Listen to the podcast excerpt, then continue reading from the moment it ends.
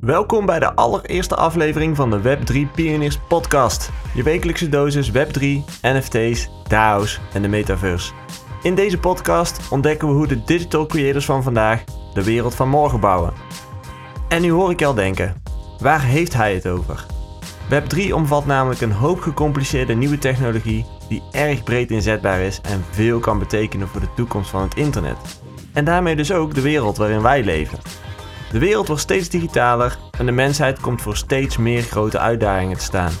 Wij geloven dat Web3 een antwoord kan zijn op veel van deze uitdagingen. In deze eerste aflevering gaan we beginnen bij het begin. Het ontstaan van het internet. En wat is het internet eigenlijk? Daarna bespreken we wat Web3 is en waarom we Web3 nodig hebben. En we gaan je een aantal herkenbare voorbeelden geven, waardoor je het allemaal een stuk beter zult gaan begrijpen. Mijn naam is Joey Lelyveld en samen met mijn co-host en grotere broer Mike Lelyveld nemen we jullie graag mee op onze reis door de Web3-wereld in onze komende afleveringen. Voor nu, sit back, relax en enjoy the ride. Welkom allemaal bij Web3 Pioniers. Vandaag een speciale aflevering, ehm, een introductie op Web3. Dus ja, wil je Web3 leren, maar weet je niet helemaal waar je moet beginnen? Dat is natuurlijk iets waar denk ik heel veel mensen tegenaan lopen. Dan is dit de aflevering voor jou. We beginnen bij het begin en laten je zien waarom Web3 een revolutie kan ontketenen. Vandaag zit ik hier weer uh, met Mike Lelyveld, managing partner bij High Five Agency, een Web3 agency van Handpicked. Uh, Mike, stel je even netjes voor. Ja, dankjewel. Ja, Mike Lelyveld uh, dus, broer van Joey Lelyveld, vriend van de show en host van de show. um, ja, stel jij even voor. Sinds 2006 ondernemer, verschillende bedrijven gehad in uh, Web2-land. Volg uh, eigenlijk de hele ontwikkeling rondom Web3, Bitcoin, Ethereum, NFT's sinds 2017. Mm -hmm. En um, ja, ik denk echt dat dit de nieuwe revolutie gaat zijn van het internet. Ja. En daarom ben ik daar een uh, nieuw bedrijf in begonnen. Ja, nou gaaf. Nou, ik zou me ook even kort voorstellen. Uh, wat Michael zei, ik ben het uh, kleine broertje van Mike Le. Ik ben Joey Lelyveld. Ik uh, ben zelf ook in 2017 voor het eerst in aanraking gekomen met Bitcoin. Dat was toen in de hype van het moment dat iedereen eigenlijk Bitcoin kocht. En net zoals ik waarschijnlijk geen idee had wat dit allemaal was, maar ik kocht het gewoon. En in 2020 ben ik me er echt verder in gaan verdiepen om uit te gaan zoeken van waar, waar draait dit nou echt om? Wat is dit nou? Hè? Want uh, iedereen had het vooral over geld en over een muntje wat op en neer ging. Maar toen ik wat dieper in ging eh, verdiepen, kwam ik toch al sneller achter dat dit meer was dan alleen een uh, muntje wat op en uh, neer ging. Maar dat er een hele revolutie achteraan kwam. en ik ja, was daar volledig door getriggerd. En het heeft me eigenlijk niet meer losgelaten. Dus nu een paar jaar verder, um, nog steeds mee bezig en enorm uh, geïntegreerd in wat er allemaal gebeurt en hoe snel het ook vooral gaat. Want het, uh, ja, in die, die, laat zeggen, vijf jaar dat ik er uh, enigszins mee in aanraking ben gekomen, heb ik toch echt al heel veel zien gebeuren. En ehm, ja, super interessant. Ehm, vandaar ook dat we vandaag deze aflevering gaan opnemen. wij snappen denk ik als beste dat dit een heel ingewikkeld iets is. Uh, wij leren nog steeds elke dag. Elke dag worden wij wakker. En zie je weer iets voorbij komen dat je denkt... Wauw, of he, of... Je, je leert echt elke dag. En het is een heel breed iets. Het raakt heel veel vlakken. Het raakt maatschappelijk dingen. Het raakt wereldwijd dingen. Het raakt technologisch dingen. Persoonlijk dingen. Uh, we gaan niet alles vandaag beantwoorden... maar we gaan het echt proberen tot de essentie te brengen om in de kern uit te kunnen leggen waar het over gaat en waarom dat belangrijk is. Ja, dat was ook een leuke oefening, hè? Dus uh, dat was al een uitdaging op zich om gewoon uh, samen te gaan zitten en gewoon dus even alle ruis eruit te halen en gewoon eens te kijken naar de kern. Ja, dat was voor ons al een leuke training op zich. Maar zeker leuk om te doen, want ja, je traint ook jezelf weer om even weer je aannames en oordelen toch weer onder een vergrootglas te leggen. Want ligt gewoon op de loer dat je dat snel doet. Klopt. Mm. Nou, over die introductie uh, in Web3 gesproken. Laten we eens beginnen met de definitie. Hè, Web3, die, die, die naam hoor je op heel veel plekken. Ehm, inmiddels uh, op zakelijk vlak denk ik dat er ook regelmatig een presentatie voorbij komt bij uh, menig kantoor waar iemand weer het woord laat vallen. Uh, maar wat betekent het nou eigenlijk? Kun je dat eens uitleggen, Mike? Ja, een echte definitie heb ik niet, denk ik voor je. Maar als je mij vraagt waar gaat Web 3 over, dan Web 3 verwijst voor mij naar de volgende generatie van het internet. Mm Um, wat er uniek aan is, is dat het internet gedreven wordt door blockchain-technologie. Daar gaan we straks op terugkomen, maar dat is eigenlijk wel de drijvende kracht achter deze revolutie. Ja. Web 3 is dus ook een soort van containerbegrip, wat staat voor een meer gedecentraliseerd en internet wat zich ook meer richt op de gebruiker. Mm En het is dus ook echt een soort van paradigmaverschuiving, waarin je ziet dat ja, het huidige internet, Web 2, hè, dat is heel erg gecentraliseerd. je ziet dat ja, eigenlijk grote bedrijven, big tech, die, ja, die, die controleren uh, en beheren eigenlijk alle data zo'n beetje op het internet van alle mensen ook die gebruik maken van het internet. En die verdienen daar ook heel veel geld mee. Mm -hmm. Dus ja, Web3 gaat voor mij eigenlijk veel meer over een, een, een private uh, internet waarmee de privacy terug gaat naar de gebruikers. Uh, naar een veel transparanter model. Uh, waarbij iedereen eigenlijk een stukje eigenaar wordt van het internet en van zijn of zijn data. En Mhm. dat ook op die manier kan uh, beheren en bezitten. Ja. En een heel belangrijk woord wat je ook noemde en waar we zeker op dieper op ingaan is decentralisatie. Ja. Uh, voor sommige mensen misschien uh, uh, het woord wat je niet vaak hoort. Hè? hoe vaak, ja, wij kennen het inmiddels goed, maar um, even heel kort door de bocht en dan gaan we er straks verder op in nu is het zo dat alles centraal staat in serverparken bijvoorbeeld en zo echt letterlijk op één plek, fysiek. Hè, serverparken, mm-hmm. zoals ik al zeg. En het idee is dat er straks. Ja. ja, het idee is dat straks dus in Web3 decentraal wordt gebracht. En dat wij dus met z'n allen op onze computers de databases runnen. Ja. Dan gaan we daar, ook, dan gaan we daar ook verder op in. Um, ja, als je het over Web3 hebt, dan is denk ik. Um, de term die voor mensen het meest bekend klinkt... en waarvan ze eens sowieso gehoord hebben... want dat is het enige wat eindelijk in het nieuws komt... is bitcoin. Ja, het zou kunnen. En nou hadden wij het er toen straks al over. Eigenlijk is die naam redelijk ongunstig. Bitcoin. Want bij coin refereert het meteen aan geld. En ja, dat kan het zijn. Maar het is heel veel meer. Ja, misschien duik je nu al meteen weer een rabbit hole Ja. in voor een volgende aflevering. Maar ehm, ik, ik denk dat eh, Bitcoin in de toekomst inderdaad meer kan zijn dan alleen eh, geld. Wat, wat heeft bitcoin dan precies met Web3 te maken? Ja, ik denk als je eh, kijkt naar een, een stukje historie, hè, om het zo maar te zeggen, dan zou je het internet grofweg in een soort van drie delen kunnen indelen. Mhm. Ehm, dan, mar- dan markeer ik grofweg een beetje de tijdspan 1990 tot 2005.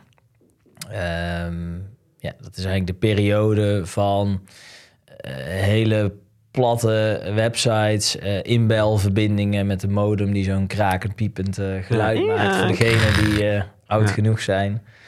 En die fase van het internet kenmerkt zich eigenlijk vooral doordat je er eigenlijk niks anders kon doen dan alleen maar lezen. Het was alsof we alle informatie ter wereld soort van naar een scherm hadden gebracht. De hele bibliotheek is Een in, soort encyclopedie, toch? ja, in de computer Ja. gestopt. En als gebruikers konden wij daar niet zoveel doen dan ja, eigenlijk alleen maar lezen.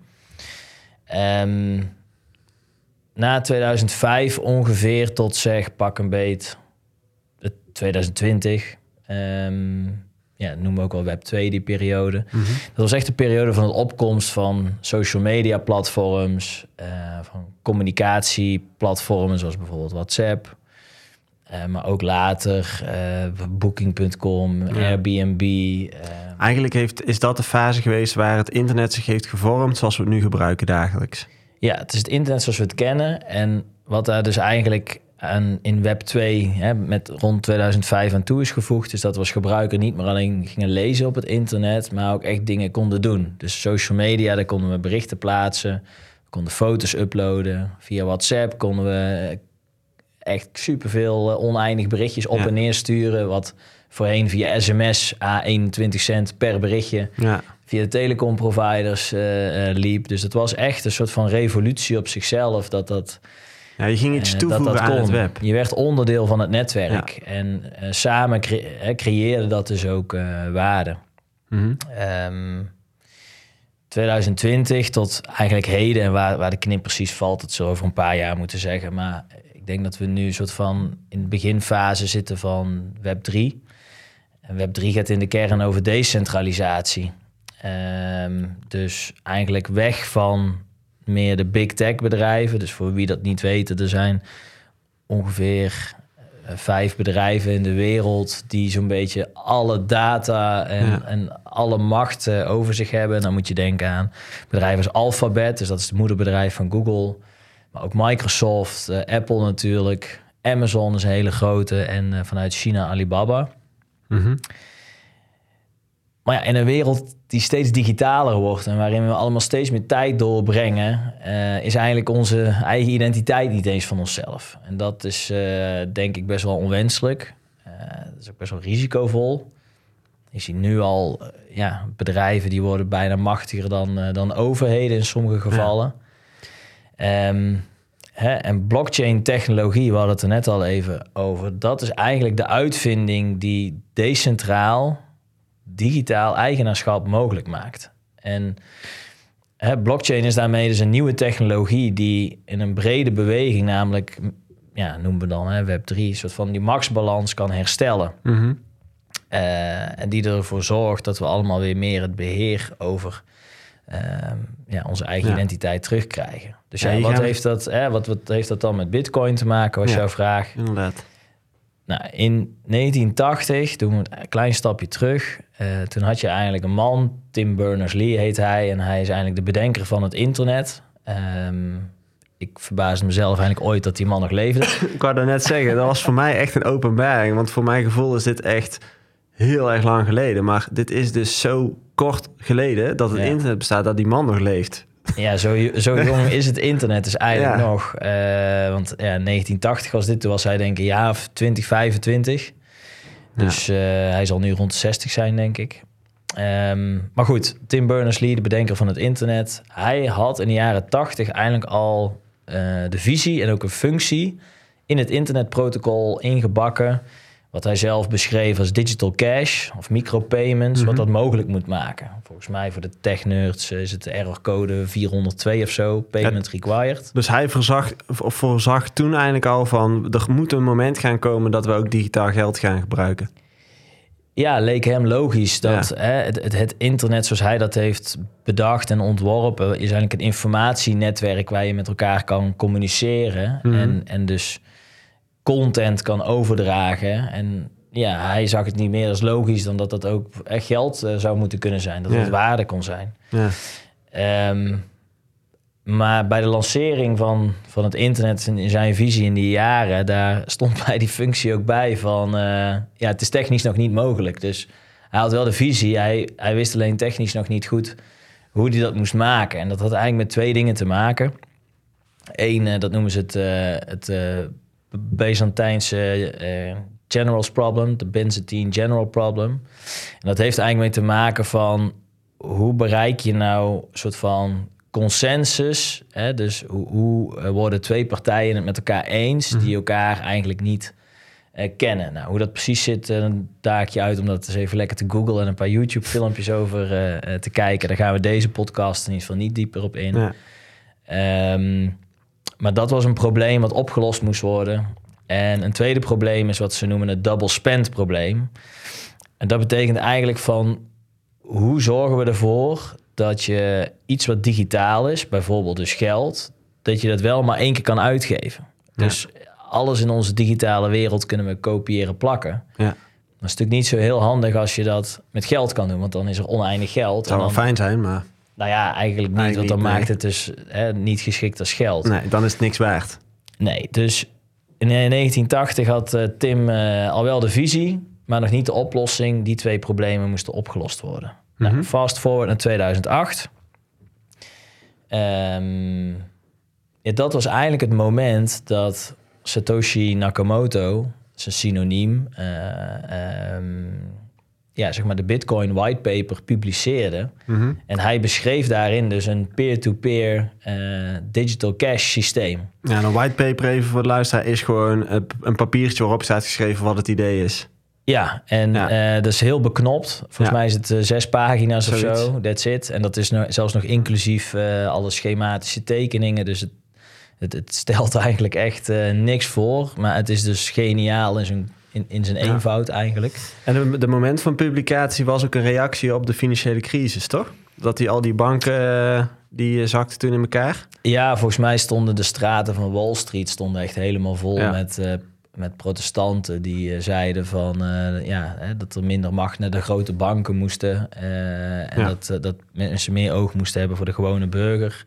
Die vooral te lijden hadden onder de bankencrisis. Want die verloren daardoor hun banen, die hadden geen spaargeld, et cetera. Mhm.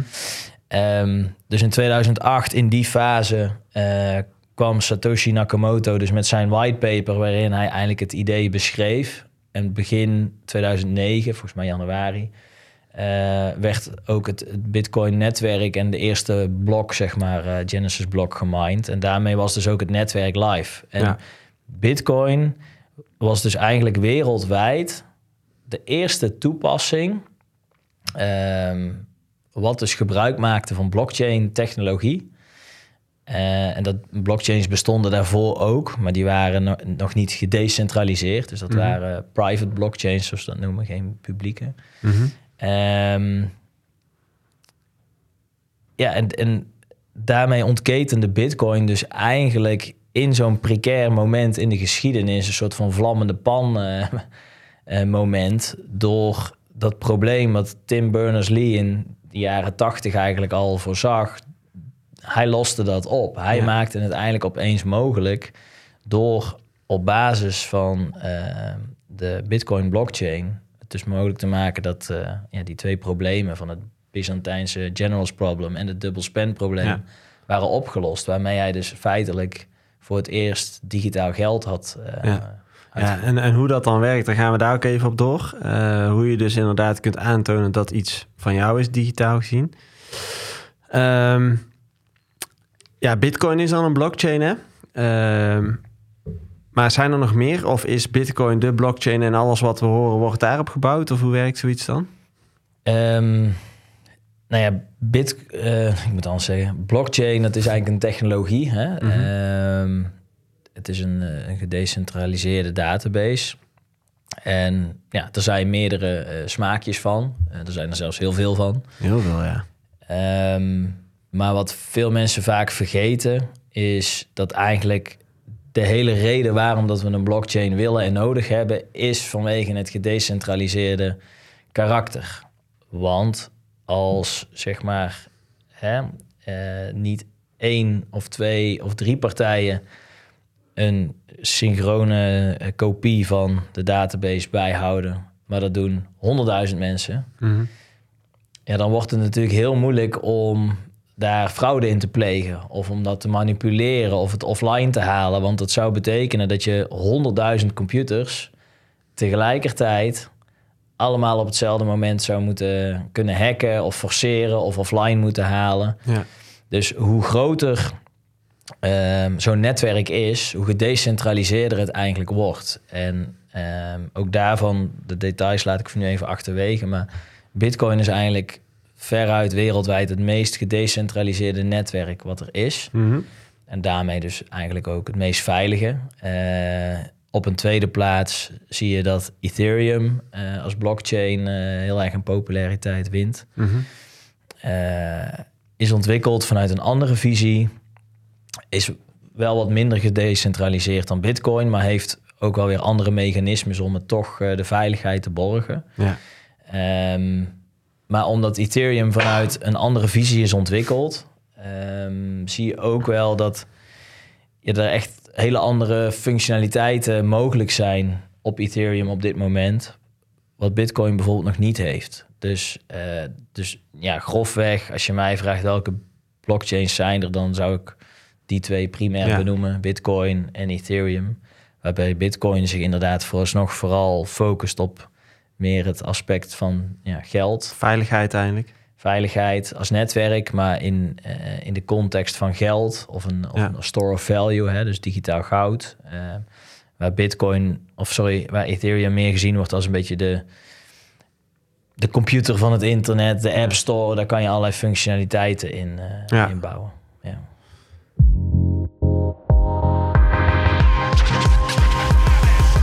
Nou, je had het net al over twee verschillende blockchains. Ehm, het is nu 2023.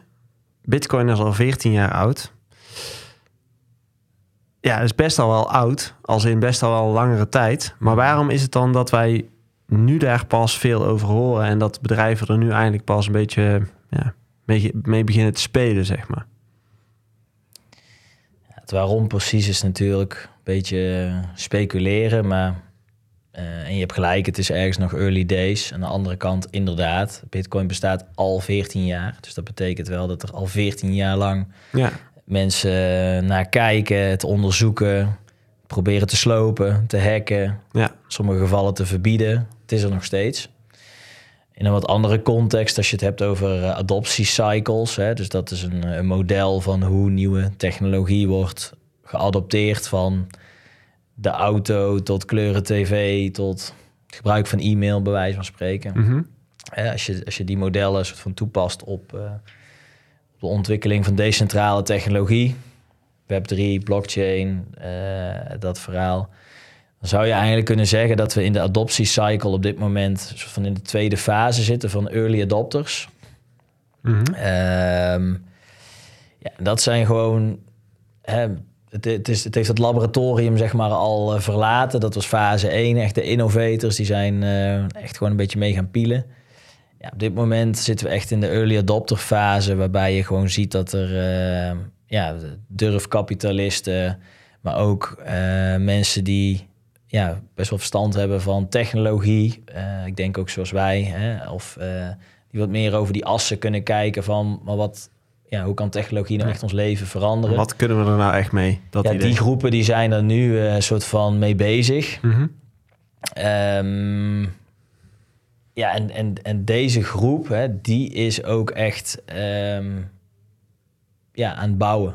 En, eh, en je ziet ook dat er echt al enorm veel geld eigenlijk eh, vrijkomt in deze industrie om die ontwikkelingen te maken. Zijn we er dan ook? Nee, de volgende fase volgens de Nee. adoptiecycle is eigenlijk de early majority, zoals we dat noemen. Mhm.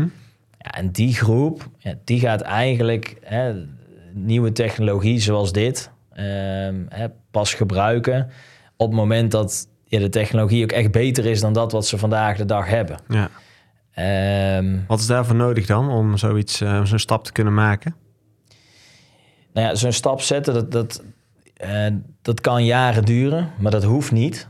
Hè? Dus ehm, als je bijvoorbeeld kijkt, ehm, ja, is misschien even een klein sprongetje, maar voor Web 2 bijvoorbeeld, hè, dat zat ook heel lang in die, ehm, eh, die early adapter eh, fase.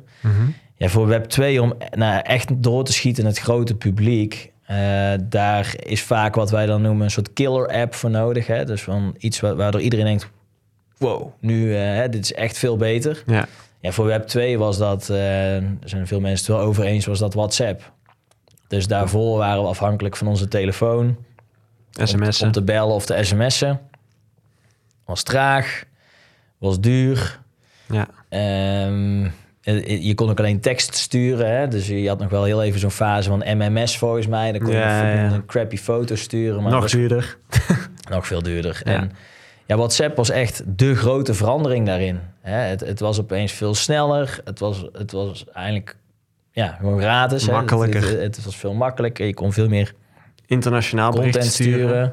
Vooral ook, hè, we noemen dat dan borderless. Dus, dus dat het ja, een sms naar het buitenland sturen was nog veel duurder dan alleen al in Nederland Ja. sturen. Ja, dus zeker. ook dat ging weg, want WhatsApp-verkeer ging niet over het telecomnetwerk, maar over het internet. Ehm, dus je ziet dat de killer app WhatsApp heeft eigenlijk in een hele korte tijd toch een hele grote eh, groep geonboard in, eh, ja, in die nieuwe eh, Ja. wereld, om het zo maar te zeggen. Ehm, ja, dus dat is wel denk ik echt een een verschil. Mhm. Ehm, wat ook nog wel een belangrijk verschil is als je het hebt over ehm, de rol van Bitcoin en decentrale technologie, blockchains in het algemeen, is dat het een soort van. Het biedt een alternatief eigenlijk op een bestaand eh, systeem. Dus ehm, daar gaan we straks nog wat verder op in. Van hè, waarom is Web3 überhaupt nodig? Maar Ja. op dit moment kan je eigenlijk alleen de volle kracht van het internet soort van benutten door gebruik te maken van diensten als Google en Apple en Microsoft. Ehm, dus je moet altijd bij die, die vijf grote bedrijven in de wereld een soort van eh, klant Ja. zijn om iets eh, te kunnen. ja, want wil je mailen, dan moet je Gmail gebruiken of Hotmail. Of hè, je moet altijd... Er zijn natuurlijk andere kleinere partijen, maar vaak kom je bij de grote jongens uit. Ja, die zijn vaak zo ver, eh, zo, min, zo minder ver ontwikkeld dat je jezelf gewoon als gebruiker gewoon echt, eh, Ja. ja, je get left behind als het ware als je het niet doet. Dus dat is een soort van, van lock-in. En in Web3 ligt dat denk ik fundamenteel anders.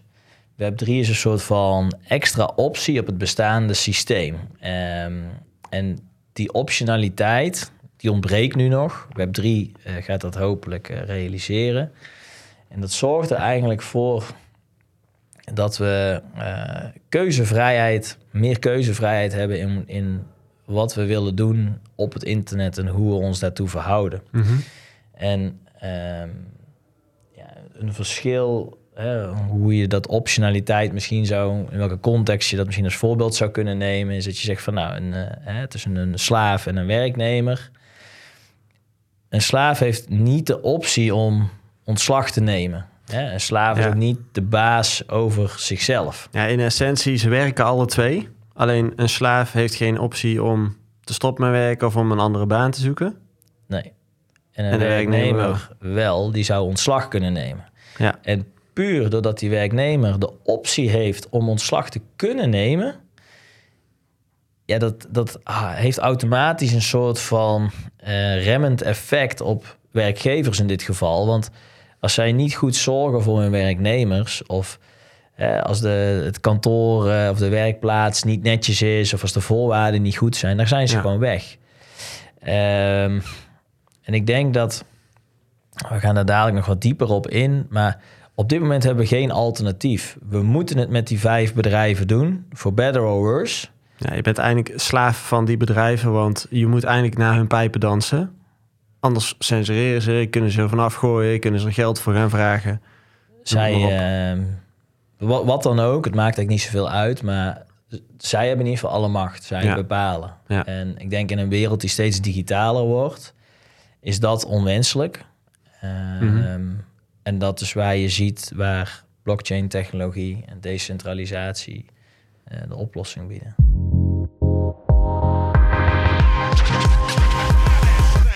Oké, dus hè, we hebben nu even verkend wat Bitcoin is en de relatie naar Web3.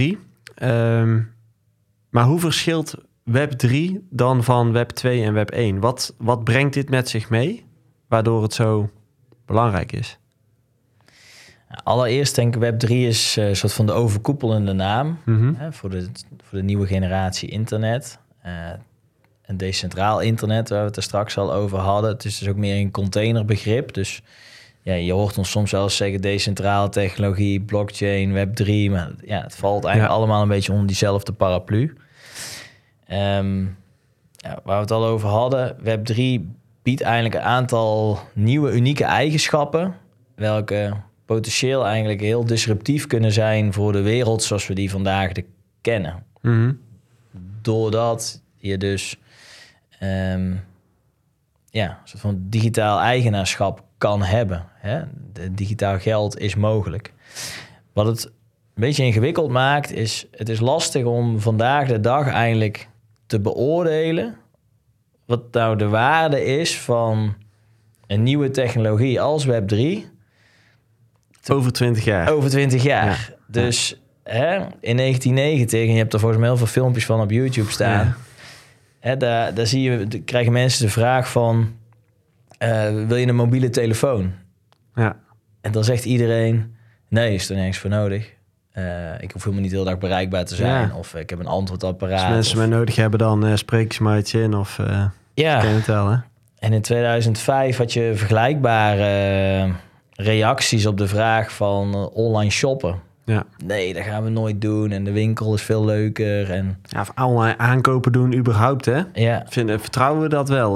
Gaat het wel goed?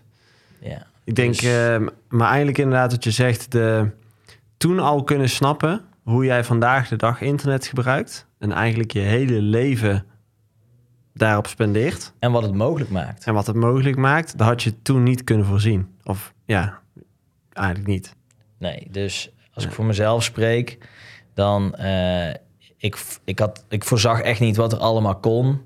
Maar ik voelde wel dat dit iets nieuws was. En dat het geen grapje was. En dat het Ja. niet wegging. En tegelijkertijd was ik ook heel nieuwsgierig naar Ja, wat kun je er dan mee? En dat is wat ik ook zo leuk vind aan dit vakgebied. Het is gewoon een soort van speeltuin. ja. En eigenlijk precies dat is ook wat, ja, wat wij in ieder geval delen. Dat voel je nu weer.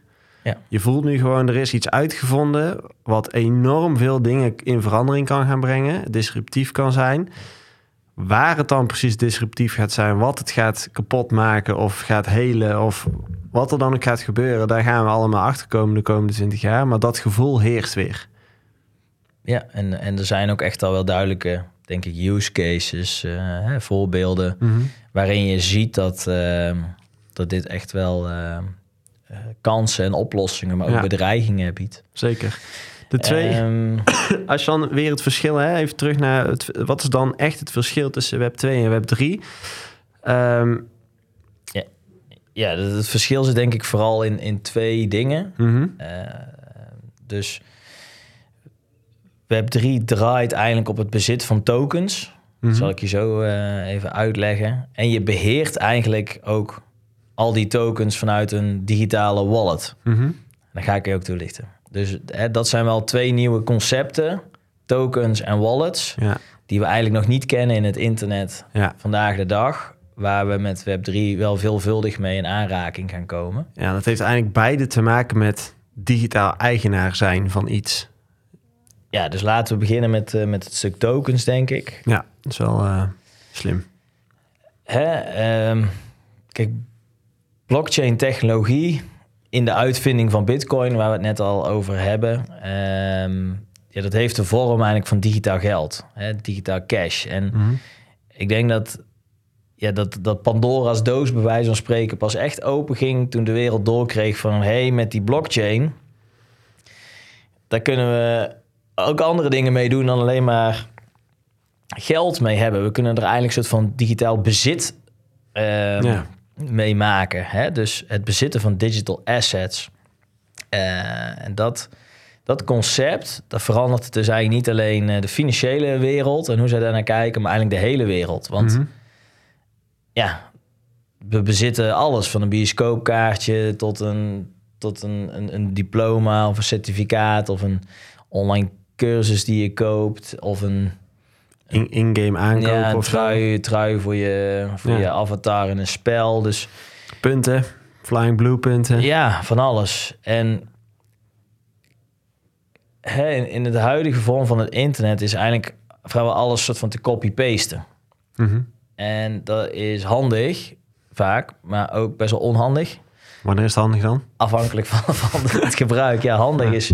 Het, het kan denk ik heel handig zijn als je een familiefoto hebt of... ehm, Ja, dat je die dus even simpel kan whatsappen naar je familie. En op dat moment staat die foto dus niet alleen op jouw telefoon, maar ook op die van je familie. Exact. En is het dus te copy-pasten. Precies. Of, Handig. Ja, of hè, mijn schoonzus vraagt om het recept voor de appeltaart. Handig. Eh, handig, dat je het allebei houdt. Of je huiswerk waar je wil samenwerken. Ja. Maar Ik kan alleen zomaar eens inbeelden dat het wat minder handig is als jij eh, een heel duur kunstwerk hebt. nou ja, het hoeft niet eens heel duur te zijn. Gewoon een kunstwerk op zichzelf. Iets wat hè. van jou is waarvan je Ja. niet wil dat iemand anders... Ja, eh, of een identiteitsbewijs. Ja. Of een toegangskaartje. Of een diploma. Die moeten toch wel uniek zijn. ja, daar maar mogen dat- er geen twee van zijn. Nee, dus hè, we hadden het net al over tokens. Nou, die digitale eigendommen die worden dus eigenlijk vastgelegd op de, op de blockchain, in de blockchain, Mhm. via zo'n token. Mhm. Dus de Web3-wereld, is wat we ook al noemen, is, het, is tokenized. Alles ehm, op het internet straks bestaat eigenlijk uit tokens. En die tokens die zijn, eh, ja, die kan je bezitten. Ehm, en die bezit je en beheer je dus in je wallet. Die wallet zal ik zo even toelichten, maar eerst nog even over het stuk tokens. Mhm. Je hebt eigenlijk ook twee typen tokens. Je hebt fungible tokens en non-fungible tokens. Non-fungible tokens. Ja, Waar staat dat dan voor?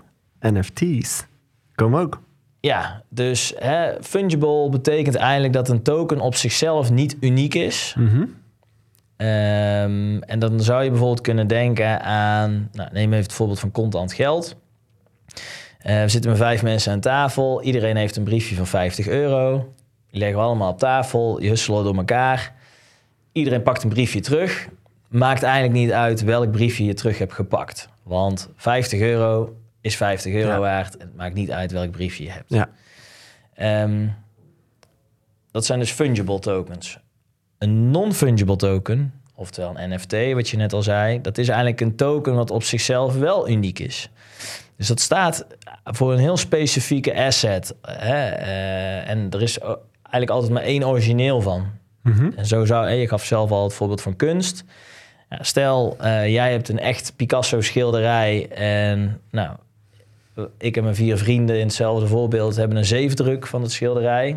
Die leggen we allemaal op tafel. Ja, als we die allemaal op tafel leggen en door elkaar husselen, dan neem ik aan dat jij wel je originele Picasso terug wil.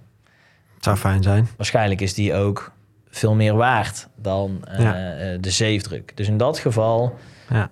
wil je wel een soort van dat onderscheid kunnen maken. Overigens, de meeste dingen in onze wereld zijn non-fungible. Ja, dus een, eh, een bioscoopkaartje of een rijbewijs, dat zijn allemaal ja, unieke Ja. ehm, ja, assets, ja, unieke ehm, eigendommen, die dus in zo'n token, in dat geval een non-fungible token, worden vastgelegd op de blockchain. Mhm. Ehm, we hadden het er net al over dat de hele Web3-wereld dus eigenlijk een tokenized world eh, Ja. is, om het zo maar te noemen. En dat, ja, dat hele concept van tokenization, dat, ja, dat maakt ook allerlei nieuwe eh, businessmodellen mogelijk. Ehm, en dat op zichzelf zorgt weer voor best wel veel disruptie bij allerlei bedrijven over hoe je daar in de toekomst mee om kan gaan. Mhm. Dus ook hier eh, een voorbeeld. Neem bijvoorbeeld Rolex als horlogemaker. Maakt hele luxe, dure, eh, eh, exclusieve producten. Maar ehm, ja, een, probleem van Rolex of voor liefhebbers van dat soort horloges, dat is van, er zijn heel veel namaakhorloges gaan ronden. Hè? Die, Mhm. die koopt ze, als je in Spanje op het strand wel eens bent geweest, dan zie je ze wel eens langskomen. Of de Burberry-tassen. Ja, eh, dus veel namaakgoederen. Helaas worden er ook nog st- steeds regelmatig dure producten zoals Rolex horloges gestolen. Mhm. Maar je ziet ook mensen die misschien wel zo'n horloge willen kopen, maar hem niet nieuw kopen, maar op de tweedehandsmarkt. Ja, dat er toch altijd een soort van ja, X-factor over, boven die aankoop hangt van ehm, ja, koop ik wel een ori- origineel horloge? Ja. En is het, eh, is, het, is het binnenwerk wel origineel? Of is het ooit gerepareerd of vervangen met eh, niet-originele onderdelen? Ehm, En hoe wordt dat nu dan opgelost bijvoorbeeld? Of wordt dat niet opgelost? Kun jij niet weten of dit een echte is? Of kun jij niet weten of hier nep-onderdelen in zitten? ja, het verschilt een beetje per eh, onderdeel. Dus in het voorbeeld van eh, Rolex eh, kun je dat denk ik nog redelijk achterhalen. Maar dan moet je het hele horloge uit elkaar halen. Nou, En je moet weten wat, welk onderdeel wel of niet echt is. Precies, dat is- dus dat ik, is ik, ik specialisatie. Denk, ja, dus ik denk als je hem naar Rolex zelf zou opsturen en je laat hem helemaal Mhm. uit elkaar halen, dat je het wel kan Ja. zien. Maar dat kost best wel veel geld en best wel veel tijd. Dus dat is niet iets wat je heel makkelijk ja. kan beoordelen voordat je zo'n ding koopt. Nou kan ik me Ehm, inbeelden dat je er wel iets van een certificaat bij krijgt. Echt, Ja. Echtheidscertificaat of zo? Ja, maar ook die zijn natuurlijk te vervalsen of niet altijd te Ja, want dat is een A4'tje of zo, een pdf'je. Ja, volgens mij tegenwoordig ook pasjes, maar Ja. dat is gewoon een kaartje met een stempel erop. Precies. En, En- die zijn na te maken. Nou ja, en hè, dit is het geval van Rolex horloges, maar het is volgens mij ook best wel algemeen bekend dat bijvoorbeeld als je het hebt over kunstwerken Mhm. of over hele exclusieve wijnen of ja. hè, Alles wat schaars is en wat uniek is. Het is gewoon heel lastig om vast, vast eh, te stellen van wanneer iets gemaakt is, door wie het allemaal Ja. in bezit is geweest en hoe dat, dat zit. Dus hè, hoe lost een tokenized world, de Web3-wereld, dit soort problemen nou op? Is nou door eigenlijk al die onderdelen en dat hele productieproces en dat hele ehm, Eigenaarschap. ja, proces van eigenaarschap. Hè? Dus wie heeft dat horloge allemaal in zijn bezit gehad? Om eigenlijk al die transacties continu vast te leggen op de blockchain. Dus je krijgt opeens, eh, als je dat dan opzoekt, eh, de provenance, hè, zo- zoals ze dat noemen. Dus je kunt het, de hele producthistorie kun je eigenlijk eh, herleiden. Mhm. Ehm, afhankelijk van de blockchains, maar degene waar wij het nu over hebben, is het ook transparant. Ja. Want iedereen kan altijd 24/7, 365, Ja. kan hij of zij een eigen kopie van die blockchain downloaden en kijken, verifiëren ja, wat daarin staat, of dat dat klopt. Ja en, en een, eigenlijk misschien nog wel de belangrijkste hè, is dat zodra het dus in die blockchain staat, is het dus niet meer aan te passen. Klopt. Oftewel, er kan niet mee ger- gerommeld worden. En dat is denk ik, vooral als het gaat over ehm, dat soort producten en zo, dan wil jij gewoon zeker weten dat het een echte is. En zo'n papieren certificaatje, ja, die Mhm. kan eh, gescand worden, Ja. gefotoshopt worden en eh, je hebt een echt, echtheidscertificaat eh, die niet echt is. Maar hetzelfde geldt ook voor, voor een concertkaartje of zo. Concertkaartjes, Eh, ehm, alles inderdaad wat eigendommen heeft. Ja, en wat dus interessant is, is dat je dus naast hè, deze voordelen die we net benoemen, wat je hiermee dus soort van kan toevoegen aan eh, de beleving van het product of aan de kwaliteit van het product, is dat er dus ook potentieel nieuwe inkomstenbronnen ontstaan. Dus je zou ehm, bijvoorbeeld een soort royalties kunnen inbouwen in het, in het contract. Daar komen Mhm. we straks ook nog even op terug. Maar dat betekent eigenlijk dat elke keer, hè, weer het voorbeeld van het Rolex horloge, stel dat ehm, eigenaar A die verkoopt aan eigenaar B en de blockchain detecteert een soort van die mutatie, ehm, dan kan dus een contract wat daarachter zit automatisch zeggen van hé, hey, een percentage van dat bedrag, dat moet naar Rolex toe. Ja. Want die hebben daar nog een bepaalde claim op of eh, wat dan ook. Eh, dus dat leidt ook weer tot nieuwe verdienmodellen voor bedrijven. Ja, nou, is, het zou een voorbeeld van Rolex kunnen inderdaad. Maar waar dit meteen invloed op gaat hebben zijn creatieve beroepen. Bijvoorbeeld. Hè? De muziekwereld, de kunstwereld. eh, daar is het letterlijk een nieuwe bron van inkomsten. Omdat ja, kunstenaars die verkopen er kunstwerk één keer. En vervolgens zien ze daar nooit meer geld van. Het Eh, meeste geld wordt vaak verdiend in de, de secondary sale. Hè? Ja. Dus de kunstenaar maakt iets, is misschien nog niet zo heel beroemd. Nee, precies. En eh, ontvangt 500 euro voor zijn werk. Ja. En vervolgens blijkt het Vincent van Gogh te zijn. En overlijdt hij ooit. En daarna is zijn Ja. werk een miljoen waard. En de familie ziet daar ook vrij weinig meer van. Dus ehm, die royalties, zeg maar, dat, dat kleine percentage over elke verkoop. Ja, dat is voor vooral creatief beroepen meteen een, een, eh, een disruptief ding. Ja, dat En, is helemaal eh, nieuw. Ja, precies. En ik denk, eh, ook in het voorbeeld van Rolex, eh, even blijvend, is eh, wat we noemen Figital. Mhm. Dus een combinatie van physical en digital. Is dat er eigenlijk dus een nieuwe afzetmarkt ontstaat voor partijen als Rolex, die nu eigenlijk alleen fysieke horloges maken. Maar straks dus ook een soort van, we noemen dat dan een digital twin. Dus dat is een, Digitale, dat is een ja. exacte Ja. kopie eigenlijk van het fysieke item, maar dan virtueel gezien. Dat je die dus ook kan verkopen eh, om bijvoorbeeld te dragen in de metaverse of aan je avatar. Dus dan bedoel ik, hè, je komt straks in een, in een Teams meeting eh, of in, eh, in je emoji poppetje. Ja. Ja, dan wil je misschien wel dat je daar ook zo'n horloge wel of niet kan dragen. Ja, die kun je nu dus dan dus ook kopen. Eh, wat dus ook een gigantische nieuwe markt is. ja. Dit is ook heel groot in de fashion-industrie. Dus kleding, sneakers, jasjes, schoenen, broeken. Ja, want kleding eh, is een manier om jezelf te identificeren in de echte wereld. Hè, Ja, jezelf is een vorm van uitdrukking. Ja, een uitdrukking inderdaad. van wie je bent en hoe je wil, eh, gezien wil worden door de buitenwereld.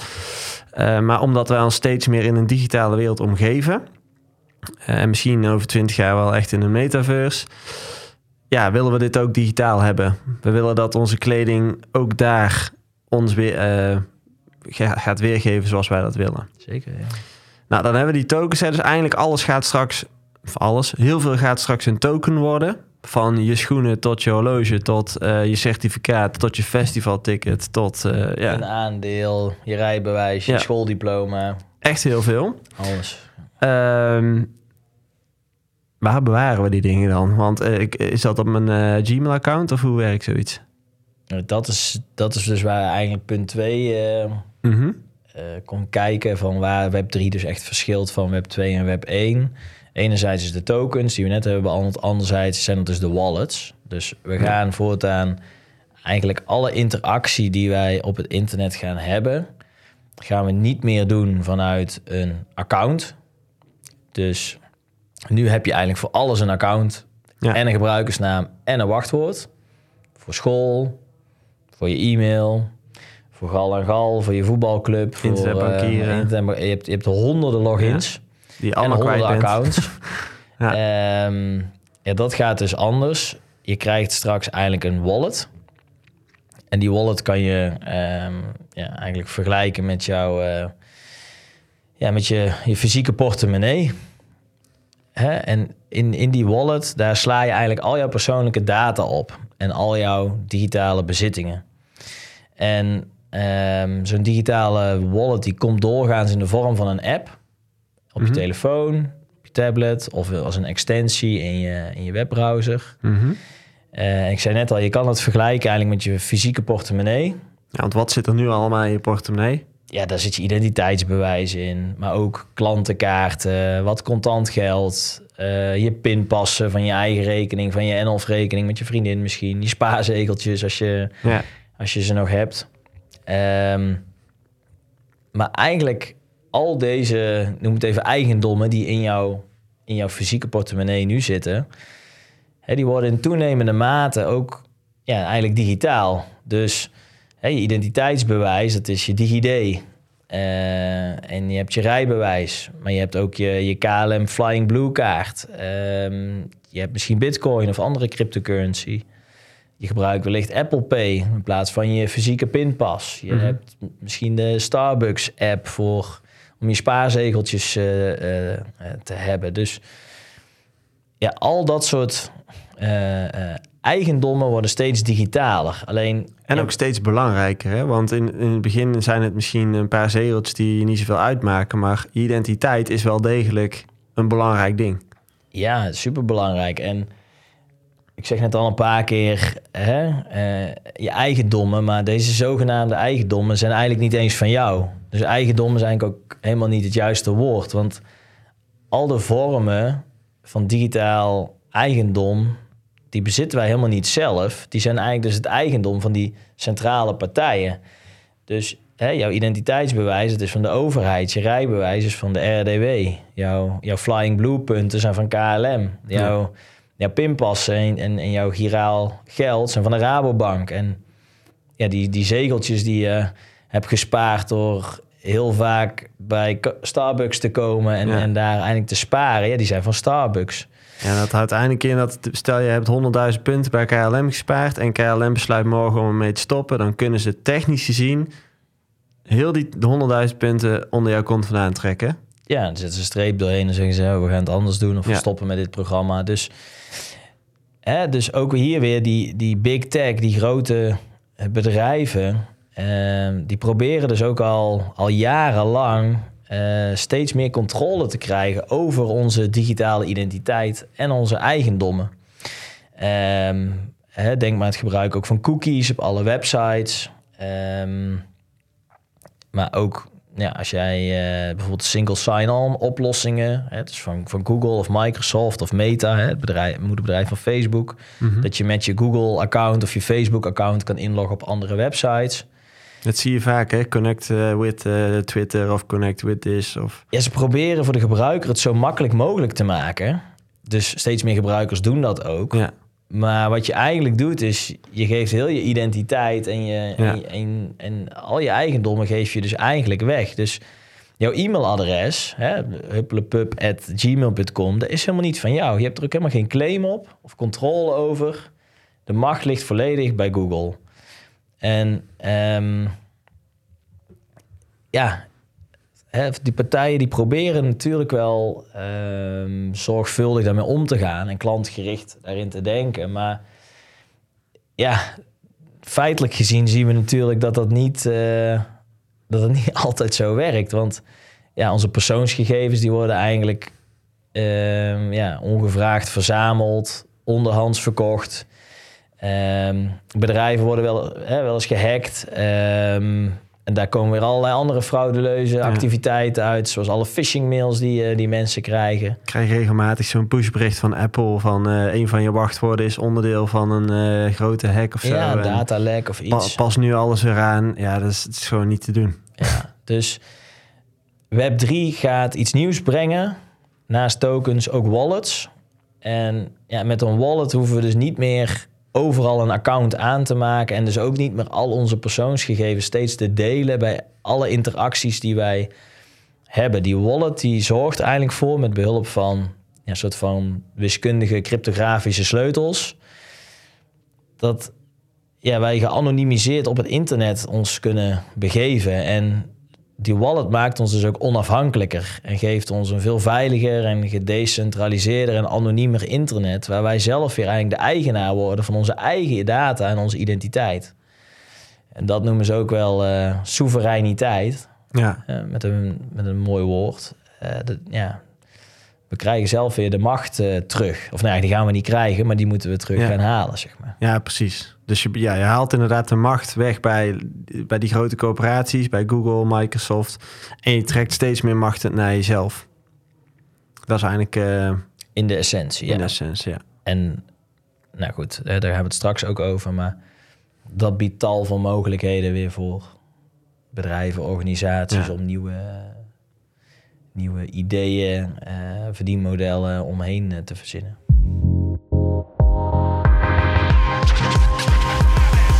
We hebben nu uh, gehad over ja, wat Web3 allemaal met zich mee kan brengen en hoe het anders is dan uh, Web 2. Maar is Web 2 dan kapot? Of waarom hebben we dat nodig? Nou ja, we hadden het erover dat uh, hè, onze digitale eigendommen eigenlijk helemaal niet onze eigendom zijn. Ja. Uh, en, en, dat is denk ik ook een mooie inleiding ja, op jouw vraag. Een steeds groter deel van het internet is gewoon meer en meer in handen van een kleine groep bedrijven. Ja. En dat op zichzelf maakt het eigenlijk al steeds minder toegankelijk voor iedereen. Het internet is ook een essentieel onderdeel van onze samenleving geworden. We kunnen niet meer zonder alles draait op en om het internet. Dus daarom zou het internet ook veel meer een soort van publieke infrastructuur moeten zijn. Mm Vergelijk het met het wegennet. de snelweg ligt er voor iedereen om zich over te verplaatsen. Uh, een snelweg oordeelt niet, is vrij toegankelijk voor vriend en vijand, om het zo maar te zeggen. Hè? Dus dan, dan bedoel ik de normale mens Mhm. die gewoon s ochtends vroeg uh, in de auto stapt op weg naar zijn werk. Mhm. Maar ja, even goed kan, uh, kunnen criminelen onderweg naar een bankoverval over die weg rijden. Of Ja. ehm, iemand die een zakelijke leaseauto heeft, maar daar stiekem ook privé in rijdt en geen belasting over betaalt. Ja, de, ja die snelweg die, hè, die boeit het eigenlijk niet. Iedereen Ja. die kan daar gewoon overheen. Het ligt er gewoon. Het ligt er gewoon. Alleen voor digitale snelwegen, om even het midden te voor te blijven, ja, is dat natuurlijk heel anders. Eh, want die digitale snelwegen, dat is geen publieke infrastructuur. Dat wordt eigenlijk dus grotendeels gedicteerd en bepaald door ja, een kleine groep bedrijven. Ehm, en die bepalen eigenlijk ja, wie wel of niet gebruik mag maken van die Ja. digitale weg. En los daarvan beheren ze eigenlijk ook nog de toegangspoorten. Hè? Dus eh, door in een app store of zo eh, te bepalen welke apps wel of niet Ja. eh, daarin mogen komen. Daarmee bepalen ze eigenlijk of miljarden mensen wel of geen toegang krijgen Ja. tot, tot jouw software. Of eh, ze kunnen, en dat doen ze soms natuurlijk ook, hè, bepaalde barrières opwerpen. Dus door sommige functies gewoon opeens betaald te maken. Als Ja. ze zien dat, het, dat er veel vraag naar is. ja, dus zij bepalen eigenlijk hoe de wereld eruit ziet. Ja, en dan Want als hun, als hun morgen zeggen alle gezondheidsapps gaan eruit, want wij vinden dat niet belangrijk, heeft geen één iPhone een gezondheidsapp meer. Ja, of ik, hè, om ook maar een voorbeeld te geven, er was ooit iemand die dacht heel slim te zijn. Namelijk, ik maak een appje voor de Apple iPhone met een zaklampfunctie. Want Oh ja. dat kan best wel eens handig zijn.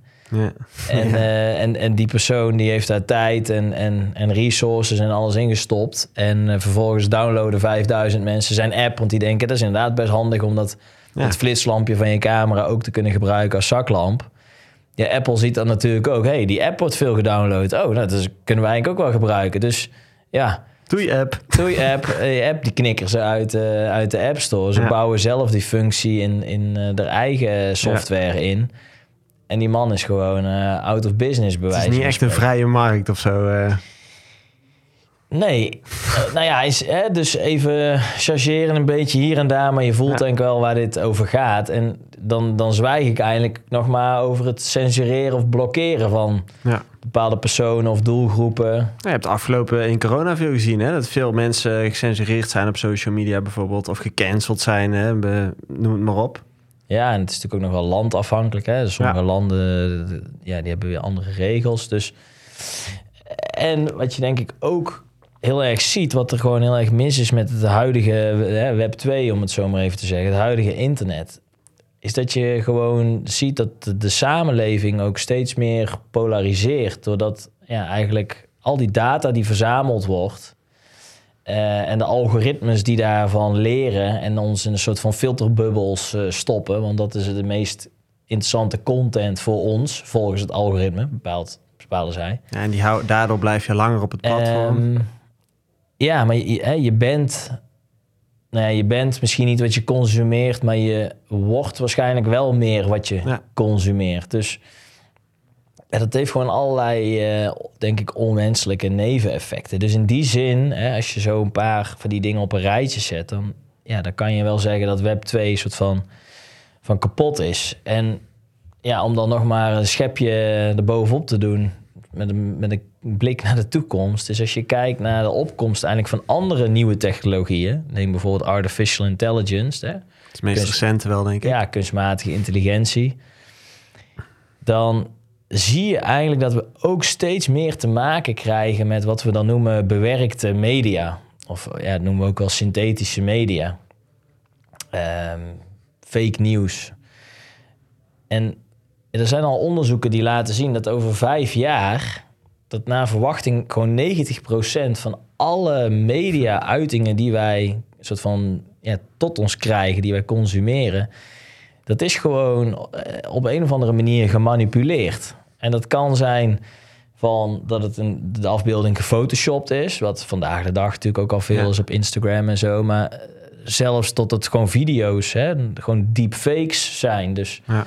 voor wie het niet weten, ehm, ja, dan, dan zit je gewoon een filmpje te kijken van ik die bijvoorbeeld een speech houdt en die software rendert daar gewoon live op high definition kwaliteit Mark Rutte met zijn gezicht, Ja. zijn pak, zijn stem, alles overheen, waardoor het gewoon lijkt alsof hij dat zegt. En het wordt natuurlijk heel lastig om ja, überhaupt te functioneren in een wereld waarbij je eigenlijk ja, niks meer kan vertrouwen. Ja, waarbij, hetgene wat je ziet wel echt is.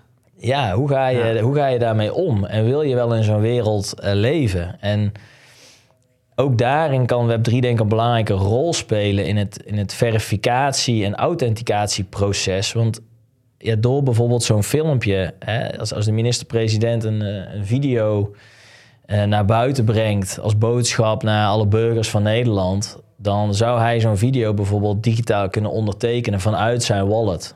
Dus zijn digitale identiteit. En daarmee kunnen wij dus op de blockchain allemaal onafhankelijk, zelfstandig controleren, verifiëren. En dus er ook vanuit gaan dat dat bericht dus Ja. echt is. Dat En- het, Daarmee los je dus meteen het fake nieuws probleem op.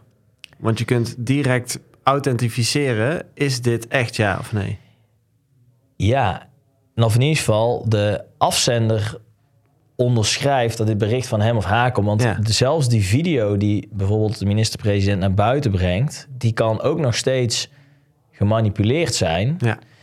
Want misschien zit er wel een AI-filter op die hem jonger maakt. Ja, precies. Of die zijn stem een beetje vervormt, dat hij wat stoerder klinkt. Maar de boodschap komt van die persoon. Maar dat hij, was, maar hij is in ieder geval zo naar buiten gebracht op de manier dat zij wilde, dat de intentie was om het naar buiten te brengen. Ja, En dat, dat is natuurlijk iets wat je ook niet kan eh, detecteren. ja. Dus is dat dan ehm, wat Web3 gaat maken? Hè? Dus eh, als we dan even kunnen bevestigen dat Web2 kapot is. Althans, wij vinden dat er best wel wat elementen zijn ehm, die gewoon krom groeien op internet. Die gewoon ja, stuk zijn, mag je het wel noemen. Ehm, zijn dat dan een aantal dingen ja, waar je Web3 gewoon voor nodig hebt? Web3 technologieën, dus blockchain bijvoorbeeld. Ja, het is een, het, het is een concentratie van, eh, van macht. Ja, En er ligt op dit moment ontzettend veel macht bij eigenlijk dus maar een hele kleine groep bedrijven. En in een wereld die steeds digitaler wordt, moeten wij er denk ik voor waken als maatschappij dat we de controle behouden over onze publieke digitale infrastructuur. Dus we moeten, de, we moeten die controle terugkrijgen. Er moet een alternatief komen naast het bestaande eh, systeem wat we kunnen gebruiken. En Web3-technologie eh, helpt daar heel erg bij. Ehm, en zorgt er dus ook voor dat de macht weer terugkomt bij de burger, hè, de gebruiker. Mhm. Ehm, en dat wij eigenlijk gezamenlijk met elkaar, als functionerende democratie, de regels kunnen maken en samen kunnen bepalen wat, wat wel of niet kan en wat wel of niet oké is. ja. En zo zorgen we er dus voor, en dat is misschien een beetje ideologisch, maar ja, dat ook ja, toekomstige generaties een soort van een wereld erven die gebouwd is op een, op een veilig en betrouwbaar en toegankelijk internet voor, Ja. voor iedereen. Ja, want die Web3-beweging is ook wel eh, verbonden met generaties. Hè? Als in, eh, wij zijn een generatie die al grotendeels digitaal leven, maar de opkomende generaties zijn digital native. Als in, alles gebeurt in hun leven digitaal. En weten, die weten ook niet beter. Dus het is voor hun vooral ook belangrijk dat daar gewoon een, een goede omgeving wordt gebouwd... eh, die voldoet aan, aan hun levensnormen, zeg maar, en hun behoeftes. Dat. En ehm, ja, ze noemen de, de millennials ook wel hè, een beetje de verloren generatie. Zij erven eigenlijk een, een failliet land en een kapotte planeet. Ja. en, en, en wat moeten we daarmee doen, eh, om het zo maar te zeggen. Ja, precies. En, en ook in, in die twee richtingen, ehm, over hoe, hoe de wereld failliet kan gaan onder zijn schulden en hoe ja, eigenlijk klimaat een soort van stuk gaat de uitstoot. Ook op die twee use cases, daar zijn tal van eh, oplossingsrichtingen in met behulp van Web3-technologie. Ehm, nee, ook dat is weer eigenlijk voor een andere. Ja, andere show. rabbit hole. Ja. Ja.